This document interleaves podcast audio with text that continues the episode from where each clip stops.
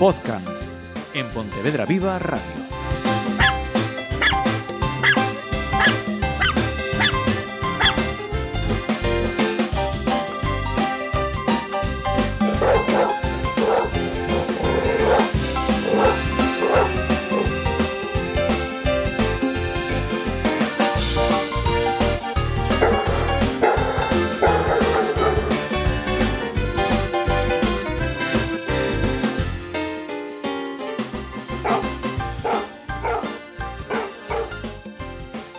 Hola, ¿qué tal? Vamos con otro de nuestros eh, podcast, eh, programas de podcast y me acompaña ya como cada 15 días eh, Diego Álvarez, nuestro adiestrador, ca- educador. Educador, educador, sí, sí. educador canino, bienvenido. Muchas gracias. Diego, hoy eh, vamos a aprender cómo enseñar de forma correcta una conducta. Exactamente, sea un sentado, sea un tumbado, sea lo que sea, como las fases que hay que ir haciendo. Perfecto. ¿Dónde o cómo empezamos entonces? Perdón. Pues empezamos, si quieres empezamos lo que comentábamos antes fuera de, fuera de antena, comentando lo del caso este de- del perrito Del perro pequeño que, exacto, que fue atacado, por un perro grande, eh, eh, desgraciadamente llamados PPPs.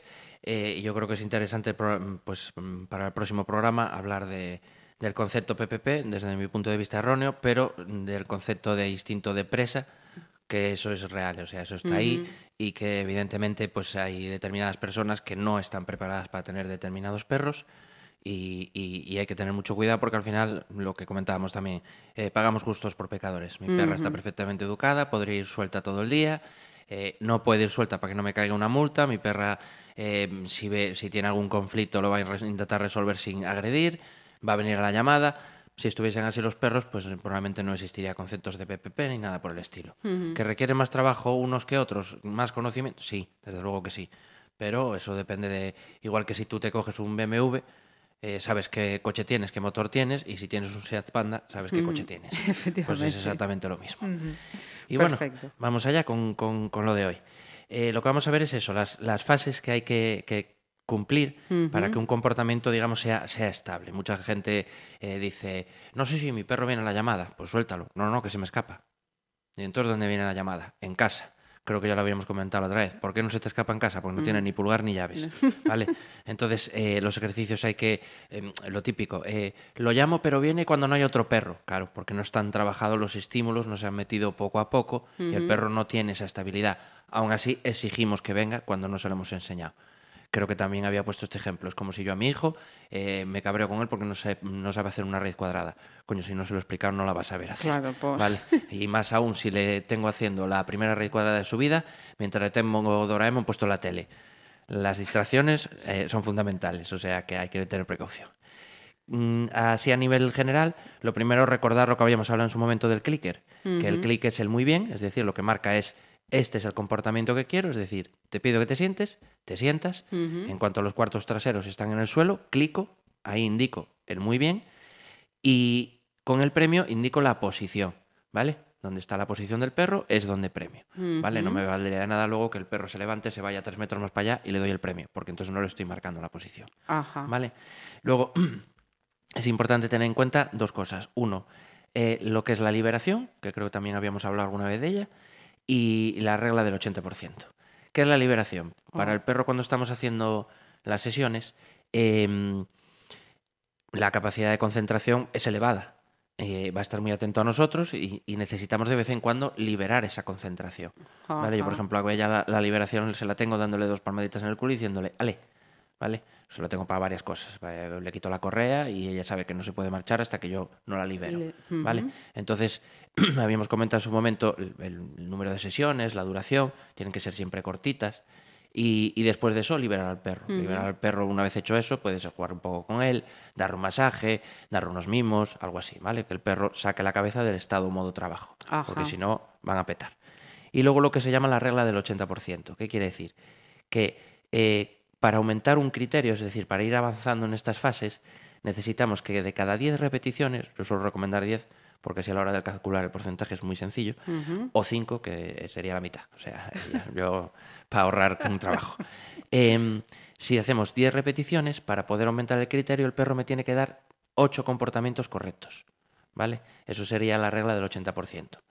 Si no, no podemos avanzar, no, no, no podemos asegurar que haya una estabilidad por parte del perro en ese trabajo. Digamos que sería una forma de ratificar que estamos haciendo las cosas bien. exactamente, pues como si a los niños les dan las notas al final de curso y o pasan de curso o repiten. Pues exactamente lo mismo. Vale. ¿Vale? ¿Qué sería la primera fase? La primera fase en, en adiestramiento positivo no se introduce comando verbal hasta pasadas unas varias fases. ¿vale? al principio se trabaja con, eh, con gestos lo que comentábamos siempre, los perros son gestuales, con lo cual va a ser mucho más sencillo eh, el trabajar con un gesto al principio que con un comando. Eh, el gesto puede ser o bien a través del target, que ya lo habíamos comentado alguna vez, que es el, que el perro siga la palma de la mano, que nos ahorramos estar con los premios en la mano, o bien, si no se tiene habilidad con el target o el perro no tiene el target, con el luring, el hilo, el ponerle el premio delante de la nariz y que lo siga suele ser más recomendable el target porque el perro con la comida siempre está, tiende a estar más concentrado en la comida y el aprendizaje por lo general suele ser, más, suele ser menor. Entonces se recomienda más el target. Eh, en esta fase, otra cosa muy importante, y ya veréis cuándo se introduce el refuerzo variable, porque la gente dice, va, ya le hice tres o cuatro, ya le di cuatro, cinco o seis premios, no más. No, no, no. Refuerzo continuo hay que mantenerlo. En esta fase, refuerzo continuo. Y yo por lo menos hasta la fase 8 recomiendo trabajar solo en casa al principio en una habitación y luego ir variando las habitaciones, pero al principio solo en casa, ¿vale? Que el grado de estímulos es muy bajo y sé que el perro me va a dar la, respuesta que quiero. Eh, una vez que tengo, por ejemplo, en un sentado, un sentado lo que haríamos sería colocar la palma de la mano delante del hocico del perro y ir hacia atrás, hacia el cráneo. El movimiento del perro por lo general es bajar el culo y sentarse, ¿vale? Ese sería el comando gestual y en el momento que el perro pone los cuartos traseros en el suelo, clic, premio, ¿vale? Luego eh, empezamos a fijar la conducta y a generalizarla. Aquí es cuando ya recomiendo trabajar en distintos espacios de la casa. Eh, podemos ir metiendo eh, grados de, estímulo, es decir, una habitación que no da al exterior, mm, los ruidos van a ser menores, con lo cual el estímulo va a ser menor, va a ser más fácil. Entonces, poco a poco vamos acercándonos a habitaciones en los que hay ventanal, en los que abrimos ventanal y puede estar escuchando un ladrido fuera, mm, este tipo mm. de cosas. Entonces, conseguimos eso, que el perro fije la conducta y, la generalice, en, este caso dentro de, dentro de, casa. Continuamos con reforzamiento continuo, ¿vale? No, no abandonamos el reforzamiento continuo. Eh, luego, ya en la siguiente fase introduciríamos ya lo que es el comando verbal.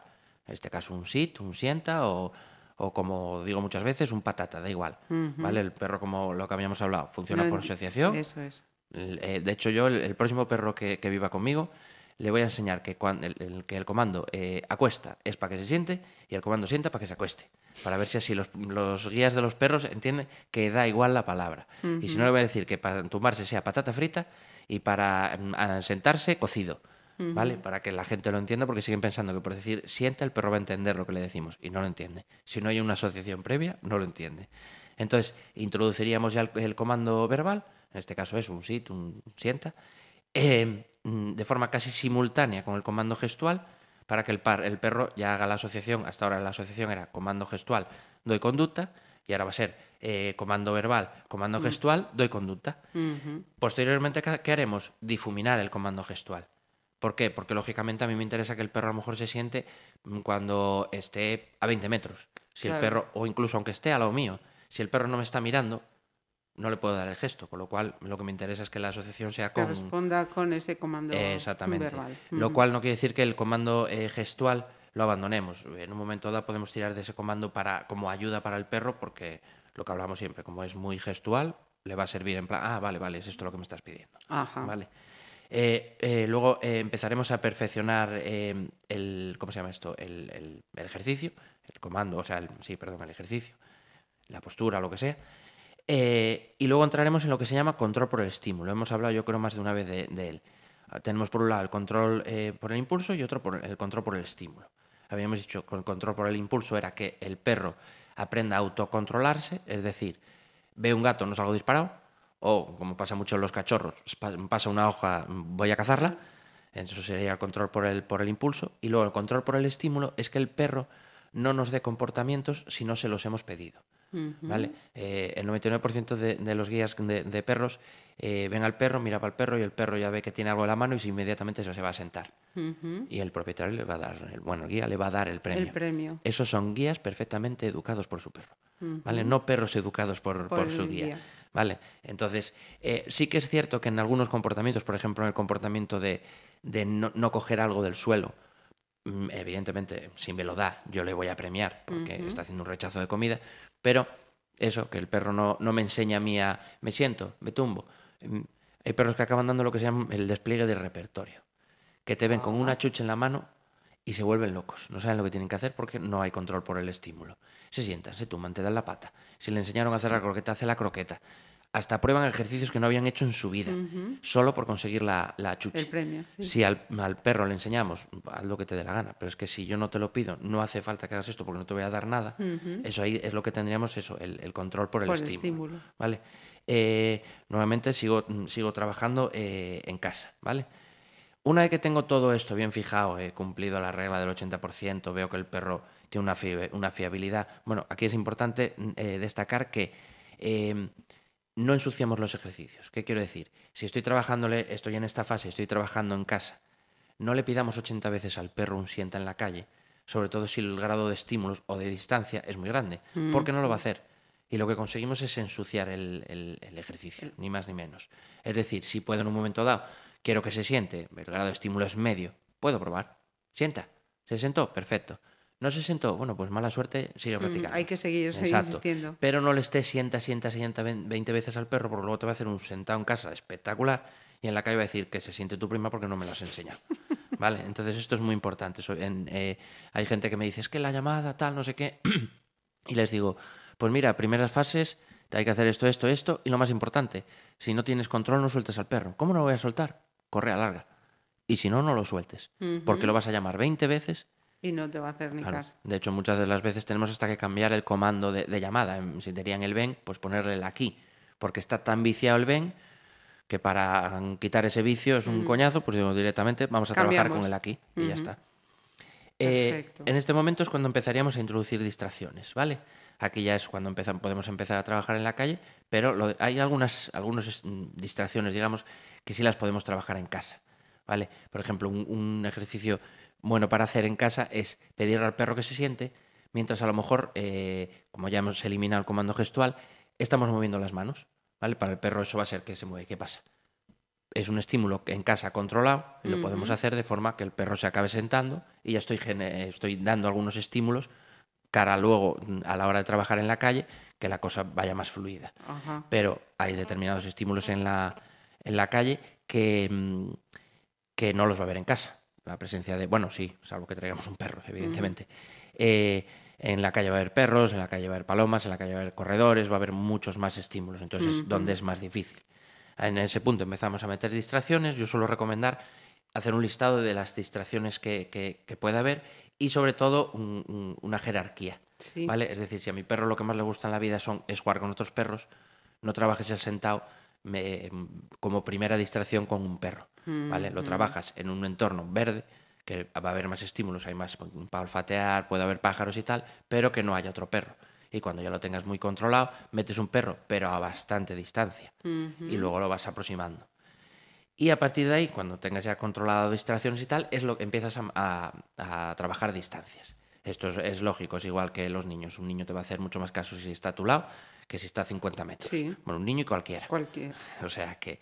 Entonces ahí es cuando empezamos a trabajar distancias y nuevamente eh, progresivamente. Es decir, no le pido un perro un centavo a 50 metros cuando la última vez lo he trabajado con el perro a mi lado. Voy poco a poco aumentando esas distancias. ¿Vale? Eh, y es ahora, cuando ya tengo clarísimo que a mi perro le he enseñado eh, perfectamente lo que quiero de él, que es en este caso un centavo, un tumbao, lo que sea, cuando ya puedo meter el reforzamiento variable. Hasta ahora el reforzamiento ha de ser continuo, ¿vale? Eh, que tendemos a ser cutres con los premios. Como digo a, a- a todos los guías, eh, baja pienso, vas a trabajar con, con premios, con, con pechuga de pavo, con hígado, baja pienso, no pasa absolutamente nada, para que el perro no se ponga un perro bola, pero dale premio cada que se lo pidas. Luego, claro, salen a la calle sin la mochila o sin los premios y evidentemente Y se es como... monta el taco. Exacto, entonces son 50 ven y como luego encima tampoco saben controlar la voz, no, no saben hacer un muy bien lo suficientemente bueno, o si les dices, vuélvete loco, dice, ay, voy a hacer ridículo en la calle, pues haces el ridículo en la calle, mira todo el problema. ¿Vale? Entonces es ahora cuando meteríamos ese refuerzo variable. Importante, lo que comentamos varias veces, variable no es uno sí, uno no. ¿vale? No le enseñemos al perro a contar. Ahora voy, ahora no voy. Ahora me siento, ahora no me siento. No. Lo habíamos dicho, vamos variando. Exactamente. Una sí, tres no, cinco sí, dos no, ¿vale? Eso es muy importante. Eh, cuando ya con el refuerzo variable vemos que el perro nuevamente nos da el comportamiento muy bien, cumplimos la regla del 80%, es el momento de eliminar tanto el clicker como las chuches. Pero, muy importante, yo hoy por hoy no sé hacer raíces cuadradas. ¿Por qué no sé hacer raíces cuadradas? Porque no he vuelto a practicar. Con los perros pasa lo mismo, hay que seguir practicando. ¿Qué quiero decir? Que un día determinado me cojo cuatro chuches, o si el perro va con pienso, meto cuatro bolitas de pienso en el bolsillo y lo vuelvo a recordar. Porque si no lo recuerdo, independientemente de que hayamos trabajado reforzamiento continuo reforzamiento variable, si no se lo recuerdo, pues a probablemente... Exactamente, se va, se va a olvidar o va, en- entre comillas, eh, entender que mm, ha dejado de haber chuches, pues a lo mejor dejo de ir. Eh, mm, Todos hacemos las cosas en realidad porque hay algo que nos, que nos interesa. Como dice el refrán, por interés te quiero. ver. Exactamente. De hecho, hay un capítulo de Friends que hablaban precisamente de eso, de si, de si se puede hacer algo de forma realmente altruista. Ajá. Eh, yo creo que no. ¿vale? A mí cuando me dicen, "Oh, pero yo voy a, a esto, voy a, a ayudar a niños con síndrome de Down y tal, y yo no cobro un duro. ¿Cómo te sientes cuando lo haces bien? Ya estás obteniendo un beneficio. Entonces, esto es así, para nosotros, para los perros y para quien sea. Entonces, en ese sentido, hay que hacer repasos de vez en cuando. Eso es, es fundamental. Perfecto, entonces Diego, con esto ya hemos eh, señalado, apuntado y explicado esas ocho fases que me. Sí, que me bueno, algunas las, las digamos, Las he aglutinado, sí, vale, pero, pero en realidad son sobre unas 12, pero sí, eh, a grandes Las pautas rasgos, han quedado perfectamente explicadas, cómo que ir pasito a lo importante. pasito. Lo más importante, el tema de que indica el clic, que indica el premio, la liberación, la regla del 80% y ir poco a poco. Con los perros, paciencia. Yo suelo recomendar, más o menos cada fase te puede, entre comillas, llevar, sobre todo las primeras, sobre tres días. Tampoco estamos hablando de una cantidad de tiempo brutal. ¿Vale? Y nos ahorramos, pues, por ejemplo, en el caso de lo que hablamos antes del perrín este, que si el perro que atacó tuviese una buena llamada, nos hubiese escapado, hubiese venido y nos hubiésemos ahorrado ese tipo de cosas. Di- Diego, y una, una pregunta. Mm, Yo que, que estoy aprendiendo con cada programa, soy una ignorante en el- la educación de, de los perros. Todo este trabajo, em, ¿a partir de cuando hay una edad o unos meses o un momento en el que comencemos? Sí, lo que, lo que es la obediencia, a partir del mes y medio se puede empezar a trabajar con, con los perros eh, sin Ajá. problema ninguno. Eh, evidentemente, cuanto, pues, igual que los niños, lo que hablamos siempre, cuanto más pequeñito, más como un juego y, exigencia prácticamente nula. eh, y a medida que vamos avanzando, pues ya podemos tener un, cierto nivel de, de exigencia, es lo, lo que comento- lo que tengo comentado algunas veces. Eh, Bella sabe lo que es ven aquí. Si se lo digo y no viene, pues a lo mejor a la tercera el tono ya cambia y es, oye, aquí. Cambia el tono, la perra dice, ahí, vale. Algo que sé lo que falla. tengo- exactamente, sé lo que tengo que hacer, no me interesa que se enfade. Pero sí, sí, desde el mes y medio se puede trabajar, pues bien sea con el hilo, o sea, con el luring o con el Sí. target, si, si, si tenemos paciencia en enseñarle al cachorrillo el target, sin problema ninguno. Eh, aparte es lo de siempre, hasta que acaba el periodo de socialización crítico, eh, es la etapa en la que el perro es una esponja. Yo es que veo a mi hijo hoy en día con ocho añinos que tiene estudiar, y digo, madre de Dios, es que absorben y hoy mm, me tengo yo que poner a memorizar algo y me, vamos, digo, estoy para sacar unas oposiciones. Estaría el concello vacío, vamos. Entonces, eh, sí, sí, desde el, desde el mes y medio, sin problema ninguno. Y lo de siempre, mes y medio no quiere decir que yo separe de la madre y de los hermanos eh, al perro con mes y medio. No se recomienda nunca antes de los tres meses. La mejor profe, mm, perros y en humanos, mamá. Y los hermanitos enseñan inhibición a la mordida, comunicación, eh, eh, qué se puede hacer, qué no se puede hacer. Entonces es fundamental que hasta los tres meses, salvo que no quede otro remedio, que no se destete a los perros. Eso es muy importante. Perfecto. Habéis anotado, ¿no? Bueno, pues seguimos aprendiendo más cosas. Eh, siempre en, en podcast, Diego nos eh, recomienda un libro, un vídeo. Exacto. Hoy, hoy es un vídeo. Hoy es un vídeo. Y además es un vídeo de cómo a mí me gusta orientar las cosas, aunque en, en el fondo no tenga, no tenga, digamos, ni puñetera gracia, pero me gusta en- enfocar las cosas con sentido del humor porque para, para ver tonterías está la tele. Eh, es un, es un vídeo en el que habla de las razas, de cómo se crearon las razas puras, y mm, la verdad es que deja ciertos estamentos eh, que se supone que, que les gustan los perros, los deja bastante a la altura mierda, hablando mal y pronto. sí. Y es eh, la pura verdad sobre las razas de perros puros. ¿vale? Es un vídeo, está en YouTube, está subtitulado. Mucha gente me dice, no está subtitulado, hay que activar los subtítulos, ¿vale? A ver si nos hacemos un curso de informática, hay que activar los subtítulos. Y es un vídeo que de verdad que yo me, me eché unas risas con él. Eh, si alguno de vosotros tenéis un bulldog inglés, se os va a caer el alma a los pies, porque en el vídeo dicen que es el, el perro más deformado por el ser humano. ¿vale? Está mm, a nivel orgánico, el pobre está hecho una mierda por culpa del ser humano. Creo que tengo comentado también otras veces, por ejemplo, el carnino, que como ciertos estamentos dicen que el rabo tiene que ser así como de cerdito, el carnino tiene deformada la columna vertebral. Y lo que he comentado muchas veces, displasia, cáncer, en muchos casos generados por el ser humano a la hora de generar razas. ¿Vale? Toma. Creo que ya eh, en los primeros programas habíamos hablado de perros con pedigrí al descubierto, un vídeo también, ese ya no es precisamente gracioso, es fuerte. Y sí, sí, déjala a, a esos, a la gente que, que, que son apasionados de las razas, pero desde un punto de vista, digamos, físico. Es decir, yo estoy de acuerdo con las razas cuando trabajas con un labrador que pues te ayuda a buscar gente que, en un- que se ha derrumbado un edificio y te ayuda. Perfecto. sí. Ahora, lo que digo siempre, a mí que me venga alguien a decir, no, no, este perro es el más bonito porque la altura, la cruz, este, el perro más bonito del mundo es bella. O sea, no necesito que nadie me lo venga a decir. Vale, entonces a mí esas cosas no me, no me interesan ni lo más mínimo. No creo que deban desaparecer las razas, pero que hay que hacer las cosas con cordura. ¿vale? Eh, lo habíamos dicho, ya habíamos hecho la misma broma de, de que cuál es el problema a la hora de generar razas. Cruces congénitos. El abuelo con la nieta, tal, ¿qué acabamos teniendo? Nuevamente, luego la denuncia os caerá a vosotros. Acabamos teniendo los Borbón, ¿vale? Entonces no, no, hagamos las cosas con coherencia y así, pues, todos felices y contentos y sobre todo los perros, que es lo más, lo más importante. importante. Bueno, pues esa recomendación de vídeo y nos vamos también a una frase célebre. Exacto, en este caso de Benjamin Franklin, que dice, lo olvido, enséñame y lo recuerdo, involúcrame y lo comprendo. Pues esto pasa con lo que digo siempre, con perros, pasa con niños y bueno, con adultos también, lo que pasa es que a mí los adultos no me suelen caer bien, pero, pero es así. O sea, eh, una de las cosas que más me gusta si quiero hacer algo con Bella o incluso con algún otro perrín es llevar a César, a mi hijo. Lo llevo y vamos, aprende, que no sé si lo había comentado o no, pero un día que nos encontramos con una señora que llevaba dos perrines y él es de saludar a todos los perros, sabe Sí. saludar, no, no, no se echa encima ni nada. Se acercó un poquitín al otro, vio que retrocedía y dijo, uy, qué miedo tiene a, a los humanos. Se quedó de lado, se quedó inmóvil, bueno, la señora alucinaba y fue el perro el que al final fue al niño, que decía la chica que, que no era normal que hiciese eso, por cómo se comunicó mi hijo. Y es porque lo involucro. Ajá. Y los perros igual, si lo eh, evidentemente a la hora de educarlo hay que involucrarlo. Si lo hacemos así, el perro va a querer darnos buenas respuestas y vamos a disfrutar el, el doble. Qué bueno, qué bueno. Y háblanos, Diego, por favor, de este perrillo que ilustra este programa de esta semana. Muy bien, pues eh, en el caso de- del perrito de hoy es un perrín que se llama Roy, tiene más o menos un, un año.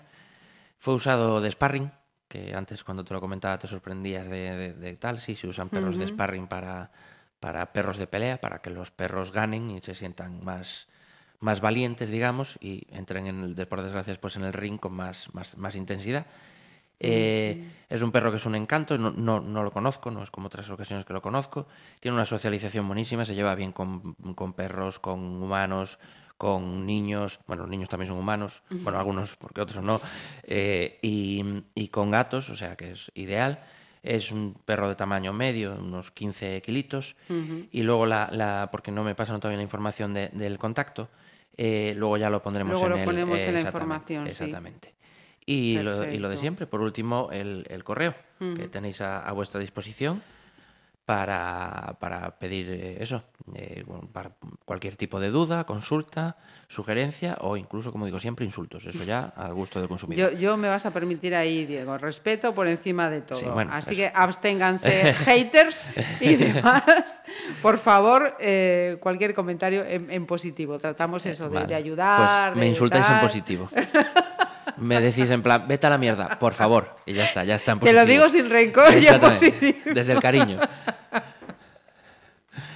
eh, podcast.gmail.com. Que, que, por cierto, decías, Diego, hay alguno que te ha llegado, pero que esta semana no va a ser posible. exacto, exacto. Dentro de un par de semanitas vais a tener la, respuesta. Mm, una, una, cosa que se me escapaba, eh, y no sé si es importante o no, eh, mm, hablando de, de Roy, mm, ¿hemos dicho qué raza es? Ah, es un mestizo, no, no lo hemos comentado, es un, es un mestizo, sí. Ajá, perfecto. Bueno, pues eh, ya sabéis, eh, para el próximo podcast eh, vamos a traer a colación esa información que, publicaba esta semana Pontevedra Viva. daremos respuesta a esa pregunta que te han hecho a través del correo electrónico y seguiremos trayendo la imagen de, de, más animales que solicitan pues, acogida, adopción. Diego, muchísimas gracias. Muchas gracias a vosotros, como siempre.